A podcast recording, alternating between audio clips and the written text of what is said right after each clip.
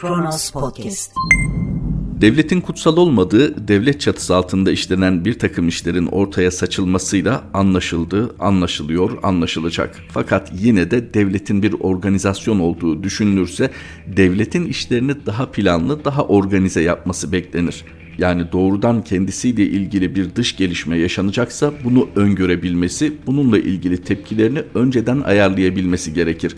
Fakat Amerika Birleşik Devletleri Başkanı Joe Biden'ın soykırım ifadesini kullanması sürprizmiş gibi daha hala tepki vereceğiz, tepki vereceğiz, tabii ki haklı tepkimizi göstereceğiz deniliyorsa orada bir devlet yönetiminden bahsedilebilir mi tartışılır.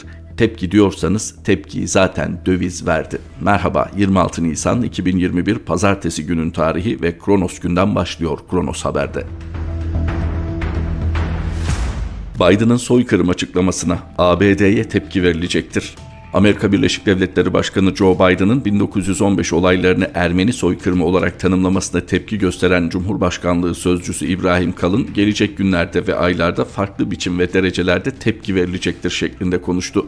BBC Türkçe'nin haberine göre Kalın, İncirlik Üssü'nün ABD'ye kapatılması ihtimaliyle ilgili soruya ise yanıt vermedi. Amerika Birleşik Devletleri ile Türkiye ilişkilerinde yaşanan mevcut anlaşmazlıkların çözümünün artık daha zor olduğunu kaydeden Kalın, Biden'ın açıklamasının ikili ilişkilerdeki tüm başlıkları etkileyeceğini söyledi. Kalın, Biden'ın soykırım açıklamasının bu hafta Türkiye Büyük Millet Meclisi gündemine de geleceğini ekledi.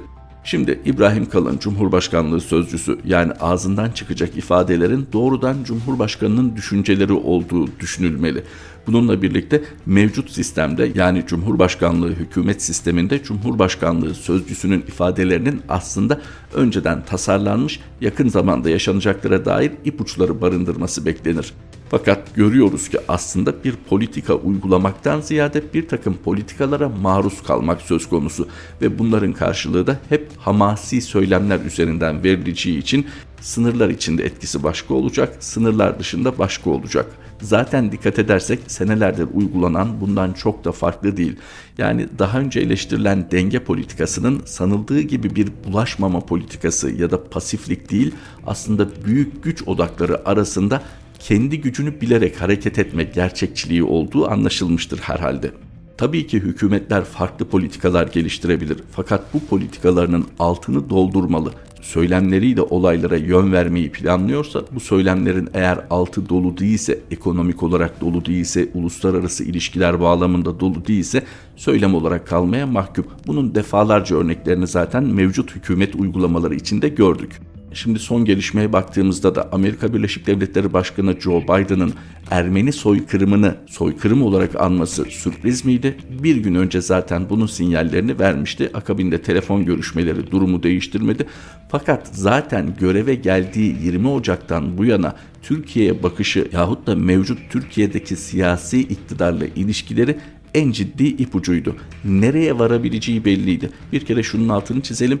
Bir tarihi gerçekliğin iki ülke arasındaki politik duruma göre değişiyor gibi olması, algılanması son derece üzücü. Çok iyi, sıkı fıkı dost olsanız da, stratejik müttefik olsanız da bir takım tarihi gerçeklikleri dostluğunuz üzerinden değerlendiriyorsanız bu günün birinde durumun değişmesi halinde bu gerçekliğinde değişebileceğini, dolayısıyla bunun üzerinden yürütülen politikaların da bir anda boşa düşeceğini gösterir. Nitekim Ermeni soykırımı ifadesini kullanması Joe Biden'ın yine de belirtelim dengeli, ölçülü bir şekilde kullandı.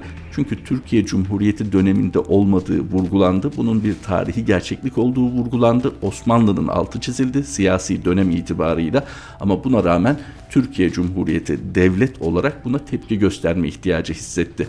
Olabilir. Evet, hükümetlerin politikaları olduğu gibi devletlerin de ana politikaları vardır. Bununla örtüşmüyor olabilir. Fakat bugüne kadar bunun böyle olmaması için ne yaptınız? Bu konu defalarca gündeme geldi. Belki kamuoyu önünde konuşulmadı ama şu hep konuşuldu. Kürt sorunu ve Ermeni sorunu bir şekilde bu topraklar içinde çözülmeli. Çünkü her ikisinin de diasporası mevcut. Çünkü her ikisinin de yurt dışında ciddi etkileri olabilecek. Bu biliniyor. Böyle potansiyeller taşıyor. Zaten bu potansiyel özellikle büyük devletlerin politikalarında artık harekete de geçmiş konularda. Hal böyleyken siz içeride bedel ödememek ya da temiz tarih, yüce millet, kutsal devlet kavramlarıyla bu işi yürütmek istediğinizden gerçekle yüzleşmenizin bedelleri de normal şartlardan daha ağır olacaktır gösterilen tepkilerin çoğu zaten hamaset parantezinde değerlendirebileceğimiz tepkiler. Somut örnek vermek gerekirse İyi Parti Genel Başkanı Sayın Meral Akşener'in ifadelerine baktığımızda bunu görebiliriz. Evet milliyetçi tandanslı olduğu için normal karşılanabilir. Fakat bu milliyetçi tandans Türkiye gibi ülkelerde çok rahat genişleyebiliyor. Nitekim tarihi olayları ideolojik perspektiften ele aldığınızda çok ciddi bir manivelaya da dönüştürebiliyorsunuz. Bunun yakın tarihimizde de çok üzücü örnekleri yaşandı. Biz evet kardeşiz bir arada yaşama kültürüne sahip çıkmalıyız gibi yaklaşımlarda bulunuyoruz, bulunmak istiyoruz. iyi güzel ama bu işin gerisini karıştırmadan, bir takım hakikatleri ortaya koymadan kardeşiz, bir arada yaşamalıyız dediğimiz insanlarla samimi bir ilişki kurmanız zor. Çünkü zaten bir hakim kültürden bir azınlık kültüründen söz etmek durumundayız. Samimiyetle bir araya getirmek için her şeyden önce gerçekçi olmak zorundayız. Bir kere şu an mevcut Ermeni toplumunun patriğinin açıklamalarının samimiyetinden söz edebilir miyiz? hükümetle olan ilişkilerinden, devletle olan bağından dolayı bu konuyu soykırım olarak adlandırmamakta samimi duyguları mı etkili yahut da kurduğu, kurmak zorunda olduğu resmi bağ mı etkili? Bunun üzerine kafa yormak lazım. Gelelim güncel kısmına. Sayın Kalın'ın ifadesi bir tepki verilecektir. Türkiye Büyük Millet Meclisi gündemine gelecektir. Tepki dediğiniz aslında insan hayatında refleksiftir ama devlet hayatında zaten bir öngörü vardır ve bunun hazırlığı vardır. Biz şimdi dürüst olalım şunu görüyoruz hükümetin yaklaşımında. Ne yapabiliriz? Yani bizim Amerika Birleşik Devletleri'nin 1915 olaylarını soykırım olarak tanımlamasına karşın bir hazır politikamız yoktu. Bu konuda kafa yorulmadı. Çünkü monşer denilerek değersizleştirilen, ötekileştirilen diplomatların kurabileceği ilişki kurulmadı.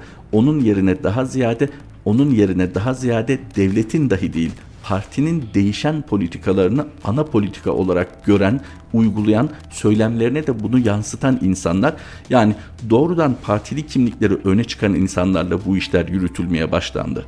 Bu neticenin şaşırtıcı olmamasının bir sebebi de bu. Yani bu köy görünüyordu aslında.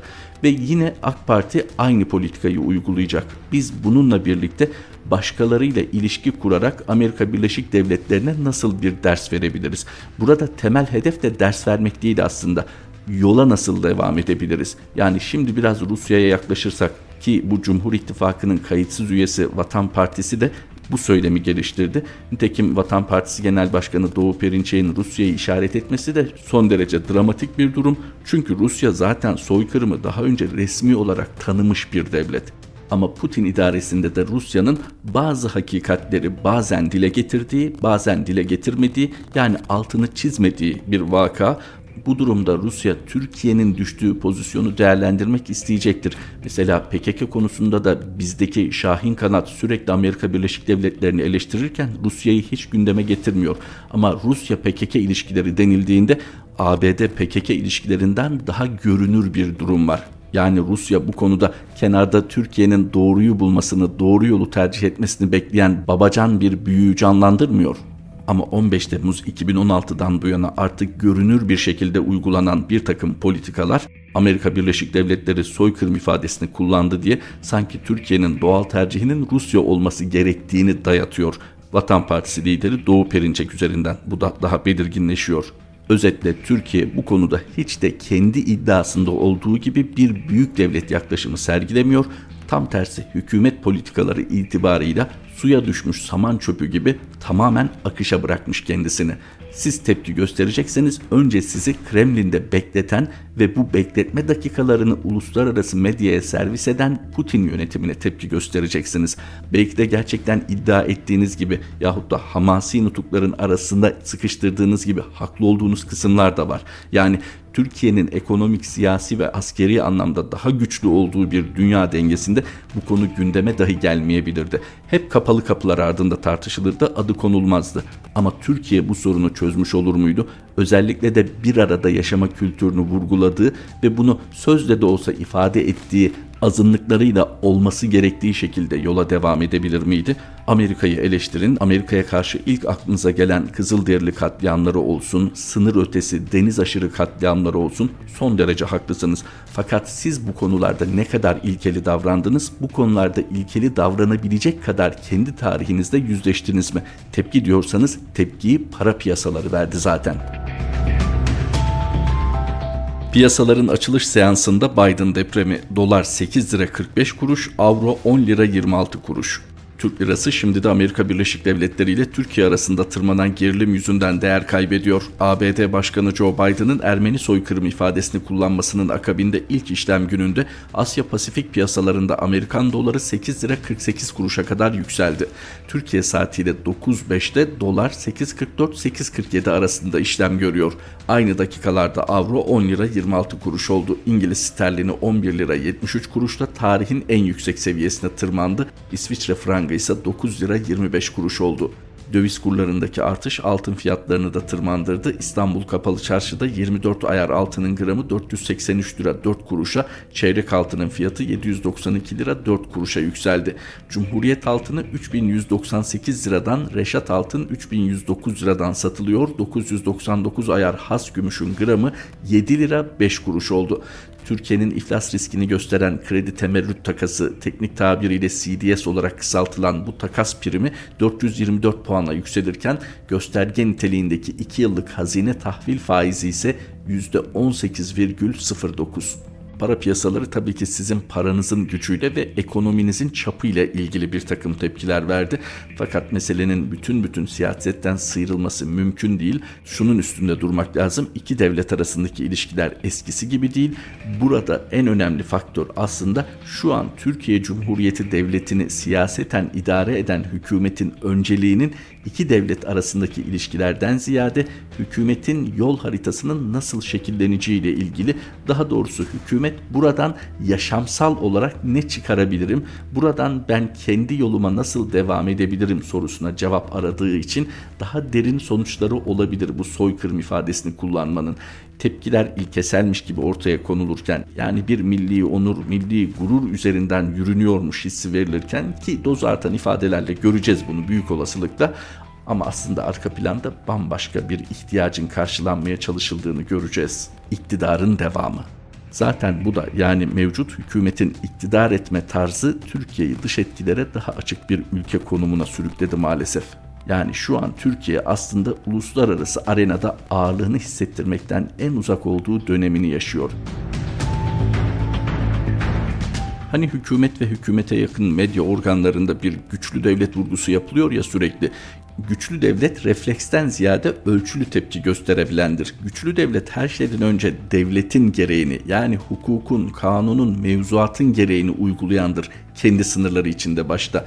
Ama şimdi biz Türkiye'de ne görüyoruz? Hemen bir takım başlıkları aktaralım Kronos Haber'den. Diyarbakır'da ev baskınları çok sayıda gözaltı var. Diyarbakır'ın merkez ilçelerinde sabah saatlerinde birçok adrese baskın düzenlendi. Aralarında HDP yöneticilerinin de bulunduğu çok sayıda kişinin gözaltına alındığı öğrenildi. Niye? Çünkü HDP kriminalize edilmeye çalışılıyor. Çünkü denendi Anayasa Mahkemesi'ne dava açıldı fakat dosya iade edildi. Bunun devamı nasıl gelecek bilmiyoruz en az 6 milyonun oyunu almış meşru zeminde kurulmuş bir siyasi partinin kriminalize edilmeye çalışıldığını görüyoruz. Hem de net olalım bunun bir neredeyse devlet politikasına dönüştüğünü görüyoruz. Peki bu esnada başka neler oluyor? Bugün 26 Nisan Kobani yargılamaları başlıyor. Kobani yargılamalarında 108 siyasinin adı var daha çok eski HDP eş genel başkanları Figen Yüksekdağ ve Selahattin Demirtaş'ın adı öne çıksa da bunun sadece hukuki bir yargılama olmadığı, burada bir siyasi dizayn çabası olduğu da sadece ülke sınırlarından görünen bir gerçek değil. Peki nereye varılacak? Selahattin Demirtaş Avrupa İnsan Hakları Mahkemesi kararlarına rağmen içeride. Keza pek çok isim hem de Avrupa İnsan Hakları Mahkemesi'nin açık hak ihlali kararlarına rağmen aynı mağduriyeti yaşıyor ki oraya daha ulaşamamış dosyalar da var. Hani devletten bahsediyoruz ya kendi mevzuatına sahip çıkması gereken ve güçlü olmak isteyen devletten söz ediyoruz ama içerideki manzara bu. Gelelim öte yandan 15 Temmuz'dan sonra yaşananlara. Bakınız 15 Temmuz 2016'dan bu yana 5 yıl geçti ve 5 yıl sonra hala 459'u muvazzaf 532 asker için gözaltı kararı çıkarılıyor dünyanın neresine giderseniz gidin hatta askeri gelenekleri olmayan hani bu kağıt üzerinde var olan bir takım devletler dediğimiz küçük devletler siyasi gerekçelerle kurulmuş devletler var ya oralarda dahi anlatamazsınız bunu. Nasıl yani derler bir darbe girişimi var ve onun üzerinden 5 yıl geçmiş hala siz oradan bir takım dosyalar hazırlıyor ve 532 asker için gözaltı kararı çıkarıyorsunuz. Peki nasıl bir devletten söz ediyoruz? Sormayacaklar mı o gün sorulduğu gibi? Hani bu kadar insanı kamudan ihraç ettiniz, bu kadar insanı darbeyle irtibatlı gösterdiniz ya da göstermeye çalıştınız. Bu insanlar sizin savunduğunuz gibi darbeyle bir şekilde ilgiliyse niçin darbeye katılmadılar? Hani bırakın sadece askeri personeli, emniyetteki personeli bunca kamu çalışanını ihraç ettiniz. Darbeyle ne ilgisi vardı? Ama tabii siz bir terör örgütü icat ettiniz ve öyle de büyük bir torba torba diktiniz ki bu terör örgütü için istediğiniz herkesi doldurdunuz içine ve buna bizim devlet dememizi bekliyorsunuz devletin yani kendini mevzuatla bağlamış en üst organizasyonun nasıl böyle icraatları olabilir? Şu an devletle ilgili neleri konuşuyoruz? Düşünün salgın yönetimi. Sayın Cumhurbaşkanı her fırsatta demedi mi Dünya Sağlık Örgütü bizim salgınla mücadelemizi örnek gösteriyor. Uluslararası medya kuruluşları bizim salgınla mücadelemizi örnek gösteriyor. Çok iyi yönetiyoruz. Ekonomik olarak da çok iyi yönetiyoruz. Sağlık politikaları itibarıyla da çok iyi yönetiyoruz. Peki neden şimdi 65 ila 72 yaş doktorlar yeniden atanacak? Koronavirüs salgınında vaka sayıları şimdi şimdi 40 binin altına indi ama 60 binin üstünü gördü ve hastanelerdeki yoğunluk azalmadı. Türk Tabipleri Birliği'nin bu konuda açıklaması var. Sağlık Bakanlığı da şimdi 65 ila 72 yaş doktorların yeniden atama kurası için başvuru ilanı yayımladı. Hani iyi yönetiyorduk? Sağlık personelimizi dahi koruyamadık ki Türk Tabipleri Birliği ve doktorlar bireysel olarak o kadar çağrılarda bulundular ki sağlık personeli için tedbirler alınsın. Çünkü birebir sahada virüsle karşı karşıya diye bu konuda gerçekten başarılı idiysek neden şimdi emekli olmuş doktorları tekrar kamuda istihdam etmeye çalışıyoruz? Salgınla mücadelenin bir devlet politikası haline dönüşmediği çok açık. Çünkü iktidardaki Adalet ve Kalkınma Partisi siyasi etkinliklerini, büyük kongreler düzeyindeki etkinliklerini gerçekleştirirken dağ başında hayvanını otlatan çobana maskesiz dolaşmaktan dolayı idari işlem uygulanabildi. İnsanlar yalvardı 6 aylık bebeğime mama götürmek için çalışmak zorundayım diye ne bir ekonomik destek sağlanabildi ne de bu tür durumlarda hoşgörülü davranıldı. Ama partili kimlikleri öne çıkınca insanların o tür etkinliklerde polis sormadı bile masken nerede diye. Bunların bir toplumsal ayrışmaya sebep olduğunu görmemek mümkün değil. Ama bu toplumsal ayrışma derinleştikçe hükümetin gerek söylemini gerekse de kolluk kuvvetlerini daha da sertleştireceği anlaşılıyor devlet diyorduk ya bir taraftan 532 asker için gözaltı kararı çıkaran bir devlet bir taraftan üç küçük çocuk annesi kadını kitapta parmak izi çıktı diye tutuklayan bir devletten söz ediyoruz. Diğer tarafta ne var? Mesela Kültür Bakanlığı'nda Bakan Yardımcısı Nadir Alpaslan'ın 3 ayrı yerden 3 maaş aldığı 176.727 lira tuttuğu bu maaşlarının toplamı da söyleniyor. Bunların elbette bir toplumsal faturası olacak. Fakat en üzücü olan yanı şu, ortada bir devlet yönetimi yok. Ortada bir devlet aklı yok. Şu an ortada sadece Adalet ve Kalkınma Partisi demek haksızlık olur. Çünkü milliyetçi renk son derece görünür bir tonda. Cumhur İttifakı'nın kendi bekasını sağlamak üzere attığı adımlar var. Joe Biden'ın Ermeni soykırım ifadesini kullanmasının ertesi günü Kuzey Irak'ta operasyon başlatılıyor. Tabi bunlar hep birbirinden bağımsız. Neden? Çünkü Türkiye'de devlet tıkır tıkır işleyen, dış gelişmelerden en az düzeyde etkilenen, kendi iç işleyişini hep sağlıklı tutan bir organizasyondur da ondan. Maalesef örnekler gösteriyor ki şu an ortada sağlıklı işleyen bir devlet yok, sağlıklı işleyen bir devlet aklı yok. Öyle olsaydı iktidarın ortağı Devlet Bahçeli sırf aleyhte bir takım ifadeler kullandı diye saygın bir hukukçuya açık hakaretlerde bulunmazdı. Örnekler o kadar çok ki ortada bir devlet gerçeğinden söz edemeyeceğimiz, standart bir devlet yaklaşımını dahi göremediğimiz örnekler o kadar çok ki. Mesela çevre konusu. En son Rize İkizdere'de yine Cengiz İnşaat'ın taş ocağı açmak isterken köylülerle karşı karşıya gelmesi, jandarmanın bu konuda köylüyü korumaktan ziyade taraf olması izah edilebilir gibi değil. Halk niçin yaşadığı yerde hiç söz sahibi olamıyor? Halk niçin kendi doğasının bozulmaması için iradesini ortaya koyamıyor? Devlet niçin bunu dert edinmiyor? Devlet niye bir takım sermaye gruplarına ön açmayı vazife ediniyor kendisine? Böyle bir tablonun içinde nerede gerçek bir devlet?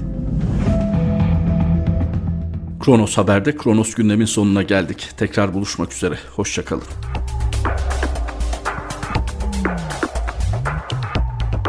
Kronos Podcast